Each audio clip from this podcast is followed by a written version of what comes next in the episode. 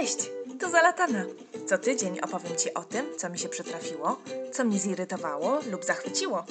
O życiu na emigracji, o rodzicielstwie, o naszych podróżach i o próbach byciu eko. Zapraszam! Nigdy nie ma dobrego czasu na to, by mieć dzieci. Słyszałam to już nie raz. Ale co to właściwie znaczy? Że jakoś to będzie? Czy może, że jest tak do dupy bez względu na to, kiedy się je ma? A może je wręcz przeciwnie, jest tak wspaniale, że wszystko inne traci na znaczeniu? No to jak zdecydować świadomie o tym, czy i kiedy chcę mieć potomstwo? I czy w ogóle warto je mieć?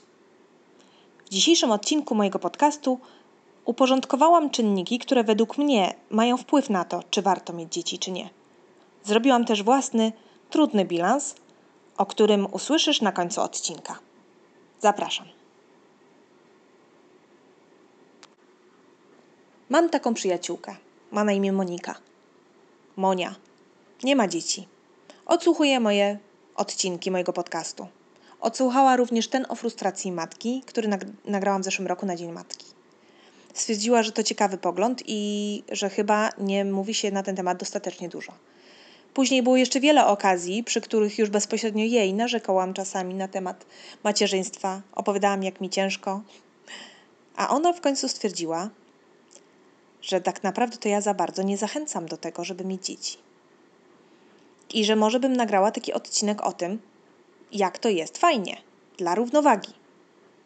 Trochę się przeraziłam, że ja nagle zaczęłam tylko narzekać, bo znam się raczej z tej optymistycznej strony, albo przynajmniej lubię o sobie tak myśleć. A później napisałam jej, że nie wiem, czy zbiorę tyle argumentów na jeden odcinek. Argumentów za. Ona się zdziwiła, czy ja na pewno mówię serio, a ja zaczęłam myśleć. Zaczęłam myśleć, co poradziłabym przyjaciółce, tak od serca, tak naprawdę. Zaczęłam się zastanawiać nad tym, jakie jest moje macierzyństwo i jak zrobić bilans. I czy w ogóle warto? Bo biologia mówi, że tak, ale jaki jest mój bilans? W sieci widzimy insta matki e, wypielęgnowane, yy, szczupłe, z perfekcyjnym makijażem, z perfekcyjnym dzieckiem, najedzone, wyspane, super. I wszystko robią same. Pracują, dbają o siebie, nawet gotują, sprzątają nawet same, mają wspaniałe rodziny, wspaniałego męża, wszystko jest tip-top. Dzieci są uśmiechnięte, różowe, matki przeszczęśliwe i zakochane w dziecku od pierwszych chwil. Pewnie i tak jest. Ale czy na pewno zawsze? Czy na tym możemy budować nasze plany dotyczące potomstwa? Zastan- zaczęłam się zastanawiać, jakie jest moje macierzyństwo i co ono mi daje, a co zabiera, no bo chyba tak należy zrobić bilans. Mam tylko jedno dziecko i faktycznie zdarza mi się bardzo często mieć, albo coraz częściej, a może przesadzam, a po prostu tylko może głośno o tym mówię. W każdym razie zdarza mi się mieć e, momenty bardzo złe i gorsze. I często wtedy słyszę też od przyjaciół i od mojego męża, e, który zdecydowanie i oboje mają rację, i moi przyjaciele, i mój mąż, że to wszystko zależy też, że sytuacja, w jakiej się znalazłam, to jest też składowa mm, takich czynników jak moja osoba czy moje wybory. No więc usiadłam sobie i zaczęłam zastanawiać się, co ma wpływ na to, jak postrzegamy na, nasze macierzyństwo. Uwaga, punkt pierwszy. Punkt pierwszy to jest sytuacja w rodzinie. Kogo mamy? Jakie mamy wsparcie? Czy z nami jest partner, który nas wspiera? Czy z nami jest y, rodzina, babcia, y, której możemy oddać dziecko, która chętnie się nim też zajmie? Mało tego, która wspiera nasze wybory wychowawcze i mm, ich nie neguje. Bardzo dużo y, czytam na forach dla matek i forach rodzicielskich jak to po narodzeniu dziecka e, matka zderza się ze ścianą niezrozumienia, e, ze ścianą mm, argumentów typu ja miałam ciężko, teraz ty sobie też musisz poradzić od, własnych od własnej matki, czy od teściowej, czy od babci. Okazuje się nagle, że y, mają kompletnie rozbieżne y, wyobrażenia na temat wychowania dziecka z partnerem, w ogóle na temat funkcjonowania rodziny jako takiej, kto ma zmywać naczynia, od czego jest kobieta, przecież siedzi tylko z dzieckiem w domu, więc niech, e, niech jak to nie miała czasu posprzątać, czy ugotować e, panu mężu obiadu. Prawda jest taka, że bez względu na e, wszystkie inne czynniki, w moim mniemaniu, dziecko to nie jest praca dla jednej osoby dorosłej. E, znaczy, może to być wykonywane przez jedną dorosłą osobę, natomiast myślę, że jest to duże, duże ryzyko dla zdrowia psychicznego i fizycznego tej dorosłej osoby. Posiadanie dziecka to jest praca jednego dziecka. Ja cały czas mówię o jednym dziecku. Ja mam tylko jedno dziecko. Jak to jest przy wielu, to się mogą wypowiedzieć matki wielu, którym chylę czoła i biję pokłony, bo nie potrafię e, zrozumieć, jaki to jest wysiłek. Więc e, tak, sytuacja rodzinna to nie jest praca dla, jednego, dla jednej osoby. To jest i, i dziecko to też nie jest spoiwo. W związku z tym, jeśli e, masz wsparcie w swoim mężu, w swoim partnerze, w swojej partnerce, w swoich przyjaciołach, w swoich, e, swojej rodzinie, to e, zastanów się, jakiego rodzaju to jest wsparcie i czy na pewno możesz na nie liczyć. E, zastanów się, jaką masz e, pracę, czy na pewno, aby y, będzie wszystko ok, jeśli wbrew na przykład Twoim planom nie będziesz mogła wrócić do pracy od razu i będziesz musiała zostać e, w domu z dzieckiem albo chciała zostać z domu z dzieckiem, bo dzie nam się też plany zmieniają i, e, i zamierzenia. Czy Ty jesteś gotowa na zmiany? Czy Ty jesteś gotowa na pracę 24 na, na 7 i Twój partner również? Zastanawiałam się nad tym, co bym poradziła na przykład samotnej kobiecie, która bardzo chce mieć dziecko i nawet, nawet jeśli e, będzie w, w, z nim sama. Poleciłabym jej na pewno zastanowić się dwa razy, dlatego że, tak jak wspomniałam, moim zdaniem to nie jest praca dla jednej osoby. I nie potrafię zrozumieć, jak, jak to się dzieje, że my jesteśmy niesamowite silnie, silne babki, ale to jest ponadludzkie siły. Kobiety, które wychowują same dzieci, ojcowie, którzy wychowują samotnie dzieci, to jest praca ponad ludzkie siły. Oni są po prostu jakimiś superhero i nie wiem, jak tego dokonują. Raczej myślę, że starałabym się chyba nawet odradzić osobie, która jest samotna. Mm, wiadomo, że różnie w życiu bywa, y, też w przyszłości nie możemy tego przewidzieć, ale uważam, że wsparcie w rodzinie, wsparcie w mężu, a przynajmniej to nie podcinanie skrzydeł jest kluczowe. To był punkt numer jeden. Ciekawa jestem, czy się ze mną zgodzicie. Punkt numer dwa na to, jak postrzegamy nasze macierzyństwo, ma wpływ to, jaką jestem ja osobą. Kiedy w życiu mi się przytrafia to macierzyństwo, czy na początku mojego życia raczej, czy jestem jeszcze młoda, pełna energii, e, czy chcę, co, czego chcę od życia, czego oczekuję po tym okresie, czy jestem gotowa na to, żeby na przykład się zupełnie poświęcić, czy wcale nie, czy nie chciałabym za bardzo, żeby się coś zmieniało w moim życiu, e, czy mam dużo cierpliwości, jakie są moje przekonania dotyczące macierzyństwa, doty dotyczące tego, jak ten czas powinien wyglądać i jak szybko wrócę do tego, co robiłam wcześniej. Tutaj ważną rolę też odgrywa, myślę, taka dojrzałość, czyli w ogóle świadomość podejmowanych decyzji. E, I tak, no zupełnie inaczej zapewne wychowuje się dziecko w wieku lat dwudziestu paru, i zupełnie inaczej w wieku lat 40. I to też nie ma tylko wiek coś do, do powiedzenia, ale w ogóle nasz charakter.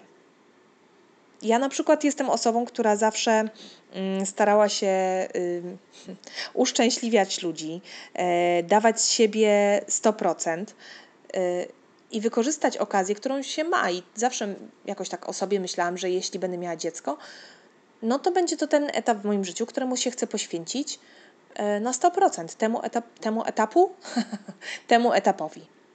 W związku z tym radośnie i w podskokach i z wielkim optymizmem e, przeżyłam nie tylko cały okres ciąży, ale również podeszłam do macierzyństwa. Także drugim e, czynnikiem na to, w jaki sposób postrzegamy macierzyństwo, jest w ogóle po pierwsze, czemu się przyglądamy, jakie mamy przekonania, jaką my jesteśmy osobą. Energiczną, spokojną, mówiącą o swoich uczuciach, umiejącą prosić o pomoc, e, otwartą czy raczej zamkniętą. To wszystko ma wpływ. Jaki? Hm. To chyba każda z nas musi odpowiedzieć sobie sama, ale wpływ na pewno ma. Uwaga, kolejny punkt. Kolejnym punktem jest samo dziecko. Jaki egzemplarz nam się trafi? Czy słyszałaś kiedyś o tak zwanych high need babies? HNB w skrócie. To dzieci, które naprawdę wymagają sporo wysiłku, takie, które nie są odkładalne, które trzeba cały czas niuniać i wnosić na rękach, którym trzeba śpiewać, które cały czas potrzebują bliskości, tulenia, nie, nie można ich na chwilę zostawić samych, e, które potrzebują mamy, ale czasami podobno też i innych osób też sobie, sobie mogą na to pozwolić, pozwalają na to, żeby im przekazać je e, w ramiona innych dorosłych osób. W każdym razie są to dzieci, które potrzebują dużo uwagi. Ja kiedyś myślałam, że Soraya taka nie jest, a ostatnio coraz częściej myślę o tym, że owszem, że jest. Może ona nie wymaga ode mnie zbyt wiele uwagi, jeśli chodzi o tak zwaną grzeczność, bo tak no, słucha tego, co mówię, ale ona potrzebuje mnie non-stop. Jak sobie pomyślę, jak wyglądały nasze pierwsze miesiące, no to też tak dokładnie chyba było. A później zaczęłam się zastanawiać, czy aby nie wszystkie dzieci przypadkiem są high need, tylko może z wyjątkami tych pojedynczych jednorożców, które matki ich opisują, a ja nie wiem o co wam w ogóle chodzi, ja swoje dziecko odkładam i ono sobie grzecznie samo zasypia, samo śpi, samo się budzi na jedzenie, tylko kwili, w ogóle nie płacze. Jest cudownie. A może z wyjątkami tych e, dzieci, które ignorowane nauczyły się po prostu nie prosić już więcej o pomoc. Hmm. W każdym razie zastanawiam się, jak to jest. Jest tak, że na to nie mamy wpływu w ogóle. Natomiast gdy dziecko się rodzi, coś się z naszym mózgiem dzieje hormonami, przynajmniej w moim przypadku tak było. Dziecka potrzeby są absolutnie najważniejsze, stają się priorytetem numer jeden i ich zaspokojenie jest absolutnie nadrzędną moją potrzebą. Wiadomo, że wszyscy też o tym mówią, że potrzeby matki też są ważne i trzeba o nie zadbać. Natomiast jest to wyjątkowo, przynajmniej w moim przypadku, wyjątkowo trudne do ułożenia sobie w głowie, dlatego że zadbanie o własne potrzeby, to znaczy w moim tym świecie i w mojej głowie hormonów y, nadal mat matczynych, e, jakby, no nie wiem, odłożenie na bok trochę potrzeb mojego dziecka, co mi się kłóci z już moim światopoglądzie takim, mówię, chemicznym, hormonalnym, a to też znaczy z drugiej strony że jeśli ja nie zadbam o swoje potrzeby, to też nie będę w stanie zadbać o jej potrzeby. No jest to, jest to trudne. Ale żeby wrócić do tematu, dziecko, na jakie nam się trafi, na to potrzeb, na to ma, nie mamy wpływu. Na to jedno, natomiast nie wiem, badań chyba na ten temat nikt nie zrobił, ale coś mi się wydaje z tego, co widzę po różnych forach, zdecydowanie większość jest high need babies. To takie dzieci, które nie są odkładalne, które trzeba cały czas nosić, które trzeba mieć przy sobie. I tak nie wiem w zasadzie do kiedy, bo moje dziecko ma 3 lata i dopiero powoli zaczyna uczyć się chyba zabawy w pojedynkę i yy, no, cieszyć się tym, cieszyć się też samotności, albo może przynajmniej bez obecności matki. Ale głośno nie chcę o tym mówić, bo jeszcze zapeszę i zaraz się znowu sytuacja zmieni. Kolejnym czwartym czynnikiem tego, jak postrzegamy macierzyństwo i jakie ma nasze macierzyństwo potencjalnie może być, to, są oczywiście, mm, to jest oczywiście wybór metod wychowawczych. E, ja miałam jakiś tam pogląd na temat tego, w jaki sposób chcę wychować nasze dziecko, ale tak naprawdę to wszystko ewoluowało w momencie, gdy urodziło się dziecko i gdy zaczęłam poznawać wiele nowych rzeczy, gdy, gdy e, zderzona mm, z problemami albo z, stojąc przed jakimiś tam wyborami, e, zauważyłam, że mogę wybrać też inaczej niż myślałam do tej pory. Czytałam dużo i tego, to też polecam, zapisać się do różnych grup, takich mądrych jakichś, bo niektóre są okropne. Po prostu my, matki, hejtujemy siebie nawzajem za wszystkie wybory, które, e, za każdy wybór, jakiego dokonamy. A tak naprawdę jestem święcie przekonana, że, bez, że odkładając na bok te patologiczne sytuacje, w których po prostu w ogóle dziec, dziecka mm, e, potrzeby nie są zaspokajane lub y, kiedyś dziecko się po prostu krzywdzi, no to tak naprawdę są różne metody wychowawcze i żadna z nich, żadna, jestem o tym święcie przekonana, nie jest 100%, e, stuprocentowo dobra, czy po prostu stuprocentowo naganna. Bez względu na to, czy wybierzesz karmienie piersią, czy karmienie butelką, e, czy nie wiem, metodę e, zasypiania taką, a in, albo inną, czy metodę bliskości, czy raczej trening. Ja widzę w tym plusy i minusy i wszystkiego są plusy i minusy. I Każda z nas, matek, wybiera najlepsze to, co według jej wiedzy, dlatego tak warto jest dowiedzieć się jak najwięcej, e, jest dobre dla, jego, dla jej dziecka. Są różne konstelacje rodzinne, sytuacje. E, niektóre mamy nie mogą zostać po prostu dłużej z dziećmi i muszą jakoś oduczyć je od siebie, co jest straszne, ale no, czasami się inaczej po prostu nie da. Jedne mm, metody wychowawcze y, dają więcej krótkofalowo, i może też czasami jest bardzo konieczne, a inne metody wychowawcze dają efekty długofalowo, natomiast wymagają dużo energii e, na początku. Ja wybrałam podążanie za dzieckiem, podążałam, podążałam wybrałam rodzicielstwo bliskości, mm, wybrałam porozumienie bez przemocy, również słownej, e, wybrałam e, wychowanie bez kar i nagród, co nie oznacza wychowanie po prostu samopas i e, bez jakiejkolwiek dyscypliny. Tak naprawdę to właśnie wychowanie nauczy stawiania granic i jest e, w moim mniemaniu trudniejsze tu i teraz, kiedyś gdy wymaga więcej właśnie wysiłku i energii, bo łatwiej jest po prostu, e, nie wiem, czy dać klapsa i spowodować, że dziecko natychmiast mm, się nauczy być grzeczne, i podążać za tym, mm, co rodzic każe w strachu przed konsekwencjami, czy karą, czy, czy dla nagrody. O wiele trudniej, moim zdaniem, jest wytłumaczyć dziecku i przekonać go do tego, żeby postąpiło tak, jak jest słusznie, bo nie zawsze tak, jak my chcemy, ale tak, jak e, zależy nam, żeby w przyszłości też dokonywało wyborów, czyli mądrze. Mm, I to po prostu takie podejście, i jeszcze raz podkreślam, nie krytykuję innych metod, bo każdy ma swoją, ale ja widzę rezultaty tych metod teraz. E, widzę ich efekty. Mam nadzieję, widzicie też w przyszłości. Natomiast im więcej ona rozumie i im więcej gada, tym mam wrażenie, że wręcz więcej energii wymaga to ode mnie, właśnie całe to, całe to wychowanie. I ja nie wiem, czy to się zmieni, czy to przypadkiem nie jest efektem kuli śniegowej, która do pewnego przynajmniej momentu właśnie będzie więcej energii ode mnie zabierać. Jest to bardzo energochłonne e, i bardzo czasochłonne też. Wymaga to morza cierpliwości, bo jeśli muszę gdzieś wyjść albo chcę gdzieś wyjść i muszę przekonać moje dziecko, żeby się ubrało bez użycia do tego argumentów przemocowych, czy to słownych, czy fizycznych, to uwierz mi, jest to bardzo trudne. Ale daje też satysfakcję ze świadomości dobrze wykonanej pracy. No i od początku miałam takie też przekonania, że bez pracy nie ma kołaczy, że to jest moja jedyna szansa, żeby zrobić to najlepiej jak potrafię, że dziecko nie prosiło się na ten świat, w związku z tym zasługuje na najlepsze, a ja mam te możliwości finansowe i y, zaplecze całe wsparcia mojego męża, że nie muszę na przykład iść do pracy, że mogę się tylko i wyłącznie na tym skupić, więc ja to robię i robię to chętnie. Widzę efekty. Efektami są e, z jednej strony elokwentne i rozumne, emocjonalnie wydaje mi się zrównoważone dziecko, a z drugiej strony jest efektem również jest e, moje wypalenie i moje załamanie i moje frustracje. Jestem tego świadoma, że jedno z drugim w moim przypadku idzie w parze. E, ostatnio też e, słyszałam taki bardzo fajny podcast akurat po niemiecku, więc może wrzucę Wam później linka, jeśli będziecie chcia chciały, to, to dajcie znać. O, o wypaleniu, o ciężarze, jakie matki, głównie jednak matki, e, ponoszą wychowania, tym ciężarze niewidocznym, tak zwanym mental load, czyli wszystkim tym, co obciąża nasz mózg i obciąża nas jako matki mentalnie.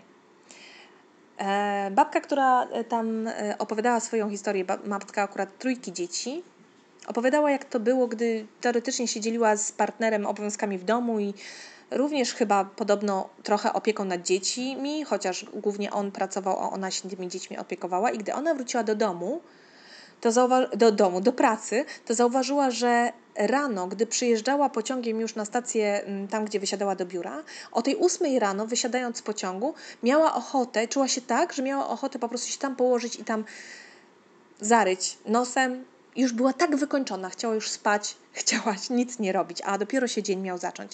Zaczęła się zastanawiać i zaczęła szukać też w innych publikacjach, skąd to się bierze. No i się okazało, że to jest właśnie to całe obciążenie mentalne, które my matki bierzemy na siebie, no bo ktoś to brać musi, ktoś musi pamiętać o tym, kiedy się zaczyna przedszkole, czy te kalosze, które y, były w zeszłym roku, będą jeszcze na, na nas dzisiaj pas, pasować, że trzeba dziecko odebrać, że są, nie wiem, jakieś tam y, y, terminy u lekarza, czy nie jest mu za zimno, że znowu trzeba właśnie kupić nowe ciuchy, a zmienić mu diety, czy dobrze je. To są wszystko pytania, które gdzieś tam idą w tle.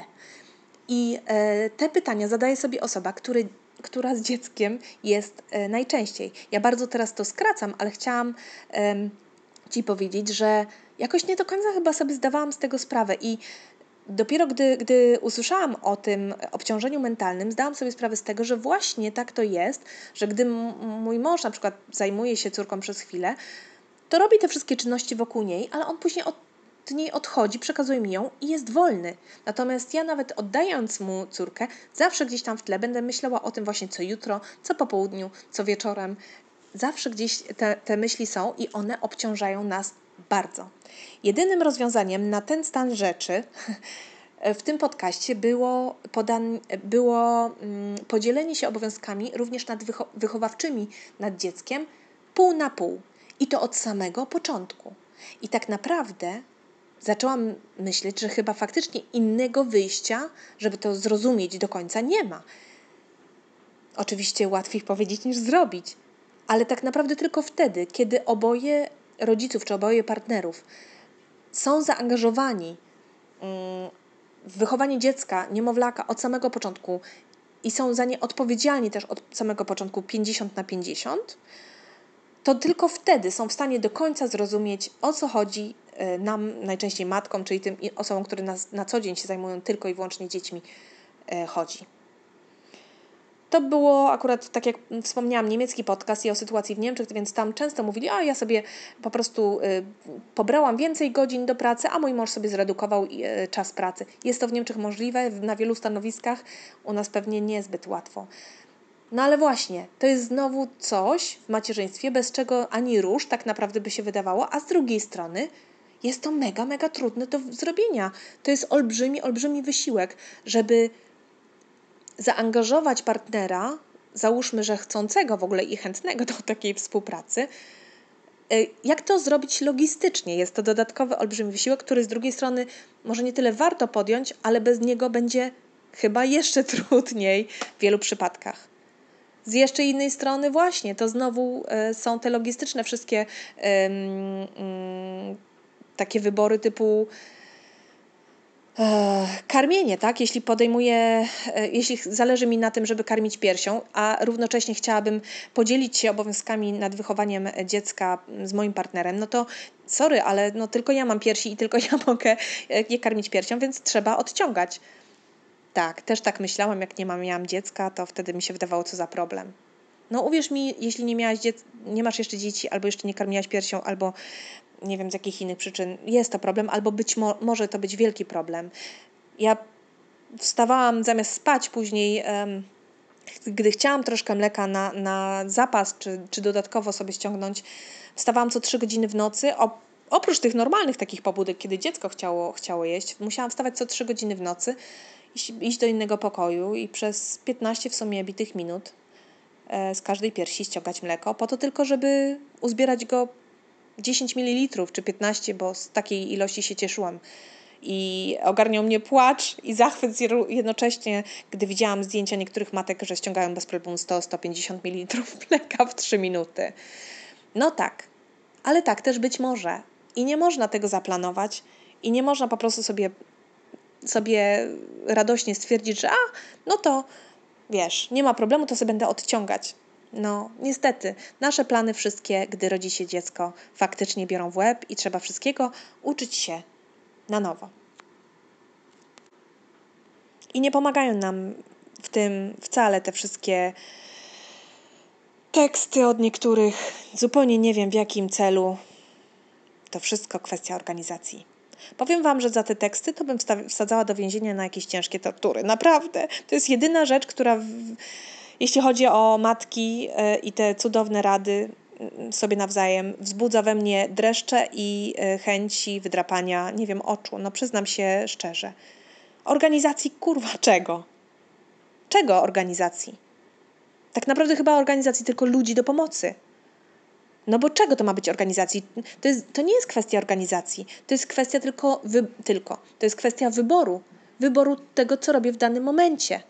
Czy wybieram sen, czy wybieram na przykład właśnie ściąganie mleka, czy wybieram, nie wiem, czyste włosy, czy śniadanie. Niestety, tak to wygląda, jeśli nie mam pomocy.